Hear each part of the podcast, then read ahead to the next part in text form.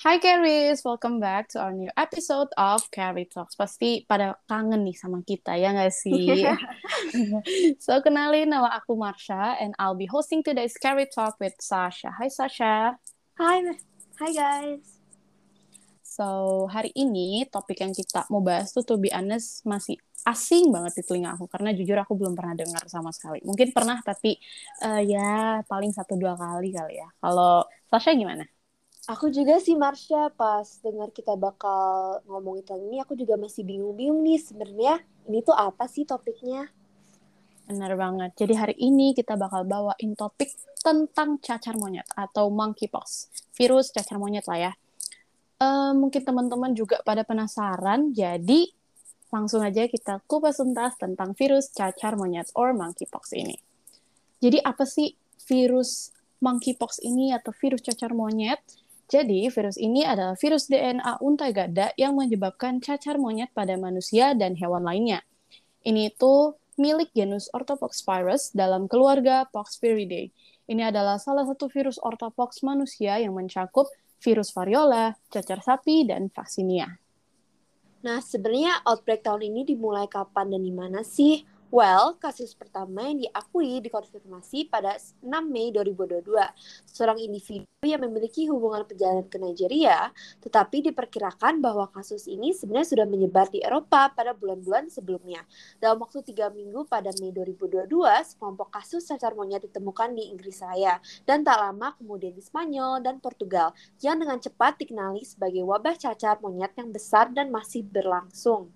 Jadi benar-benar ya virus ini tuh masih baru banget, masih awal-awal banget tersebar dan semoga kita semua terjauhi ya dari virus ini. Benar banget, benar banget. Oke, okay, so next kalian mau pasti bertanya-tanya apa sih hubungannya monkeypox sama hewan monyet sendiri? Apakah ada korelasinya atau enggak? Nah, jawaban yang pertama Iya dan tidak. Monkeypox pertama kali ditemukan pada tahun 1958 ketika dua wabah penyakit mirip cacar terjadi di koloni monyet yang dipelihara untuk penelitian, makanya diberi nama monkeypox. Kasus manusia pertama dari monkeypox tercatat pada tahun 1970 di Republik Demokratik Kongo selama suatu periode. Upaya intensif untuk menghilangkan cacar. Sejak itu, cacar monyet telah dilaporkan pada manusia di negara-negara Afrika Tengah dan Barat lainnya. Jadi sebenarnya masih masih apa ya masih abu-abu sih antara Betul. korelasi ini dengan monyet itu sendiri. Nah, kita juga meneliti lebih jauh dan ternyata berbagai spesies hewan telah di, diidentifikasi rentan terhadap virus monkeypox. Yang itu termasuk tupai tali, tupai hewan, tikus bergantung Gambia, dormice, primata non manusia, dan spesies lainnya. Tapi masih ada ketidakpastian tentang sejarah alami virus monkeypox dan penelitian lanjut diperlukan untuk mengidentifikasi reservoir yang tepat dan bagaimana sirkulasi virus dipertahankan di alam. Yes, dan yang selanjutnya nih, penularan dari hewan ke manusia atau zoonotic dapat terjadi dari kontak langsung dengan darah, cairan tubuh, atau lesi kulit, atau bahkan mukosa dari hewan yang terinfeksi. Di Afrika, bukti infeksi virus monkeypox telah ditemukan pada banyak hewan, termasuk tupai tali, tupai pohon, tikus berkantung, gambia, dormice, berbagai spesies monyet, dan lain-lain. Reservoir alami cacar monyet belum diidentifikasi nih, teman-teman. Meskipun hewan pengerat adalah yang paling mungkin menjadi reservoirnya. Makan daging tidak dimasak dengan benar dan produk hewani lainnya dari hewan yang terinfeksi merupakan faktor resiko yang mungkin orang yang tinggal di atau dekat kawasan hutan mungkin memiliki paparan tidak langsung atau tingkat rendah terhadap hewan yang terinfeksi. Jadi kalian harus hati-hati kalau makan raw meat karena kita nggak tahu pasti di dalam itu ada virus-virus atau penyakit apa aja yang dikandung kan. Betul banget tuh. Jadi sekarang kita bisa lebih waspada lah tentang raw meat biar lebih aman juga kita dan orang-orang sekitar. Betul banget. Nah, sebenarnya tuh ada nggak sih penanggulangan yang tersedia untuk pengobatan cacar monyet ini? Nah, Kerry saat ini sebenarnya tidak ada pengobatan khusus yang disetujui untuk infeksi virus cacar monyet. Namun, tetap ada antivirus yang dikembangkan untuk digunakan pada pasien cacar yang terbukti bermanfaat. Penanggulangan medis berikut saat ini tersedia di Strategic National Stockpile, yaitu SNS, sebagai pilihan untuk pengobatan cacar monyet. Jadi, Keris di rumah tidak perlu takut nih, karena masih banyak antivirus yang dikembangkan dan terbukti bermanfaat. Benar banget. Yang pertama nih, ada tecovirimat atau yang biasa dikenal sebagai TPOXX, yaitu obat antivirus yang disetujui oleh Food and Drug Administration, FDA Amerika Serikat, untuk pengobatan penyakit cacar manusia pada orang dewasa dan pasien anak dengan berat minimal 3 kg. CDC sendiri mengadakan protokol obat baru investigasi akses yang diperluas atau EAIND yang memungkinkan penggunaan tecovirimat untuk pengobatan orthopox virus non-variola, termasuk monkeypox dalam wabah ini. Protokol ini mencakup izin untuk membuka kapsul tecovirimat oral dan mencampur isinya dengan makanan semi padat untuk pasien anak dengan berat kurang dari 13 kg, jadi sedikit memudahkan ya. Kemudian tecovirimat tersedia sebagai oral, ya, yaitu 200 mg kapsul, dan injeksi untuk formula intravena. Nah, yang kedua itu ada Sidofovir yang juga dikenal sebagai Viscidib. Adalah obat antivirus yang disetujui oleh FDA. Nah, untuk pengobatan retinitis sitomegalovirus pada pasien dengan acquired immunodeficiency syndrome atau yang lebih dikenal sebagai AIDS, CDC memiliki EAIND yang memungkinkan penggunaan Sidofovir untuk pengobatan orthopox virus yang termasuk monkeypox ini di dalam wadah.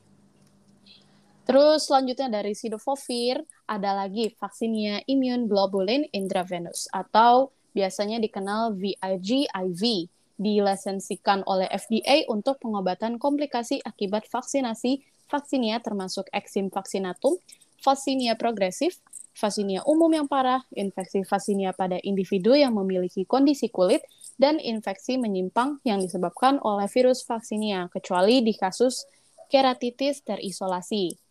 Nah, CDC memegang EAIND yang tadi udah disebutin yang memungkinkan penggunaan VIGIV untuk pengobatan orthopox viruses, yaitu termasuk monkeypox dalam wabah ini.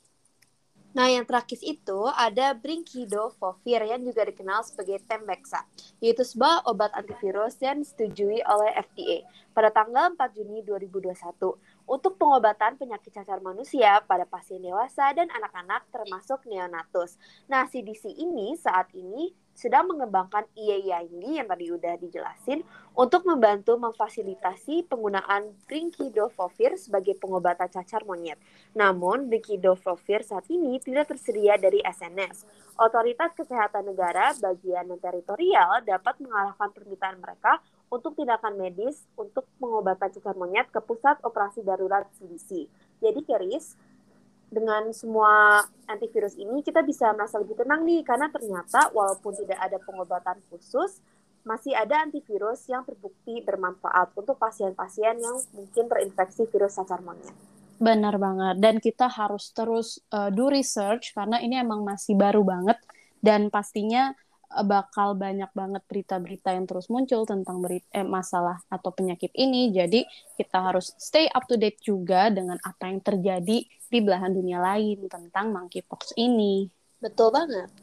Nah, yang terakhir tadi kita sempat singgung sedikit tentang orthopox viruses. Mungkin kalau kalian bingung sebenarnya orthopox viruses itu apa, jadi itu tuh adalah epidemiologi cacar yang disebabkan oleh orthopox virus variola umumnya terjadi melalui inhalasi tetesan pernapasan besar dari virus menular. Penularan biasanya memerlukan tatap muka yang lama atau kontak dekat lainnya, meskipun penularan melalui udara dalam jarak yang lebih jauh telah dilaporkan.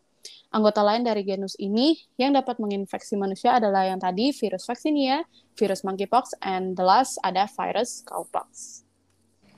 And that is all case dari podcast Karemals pada kali ini.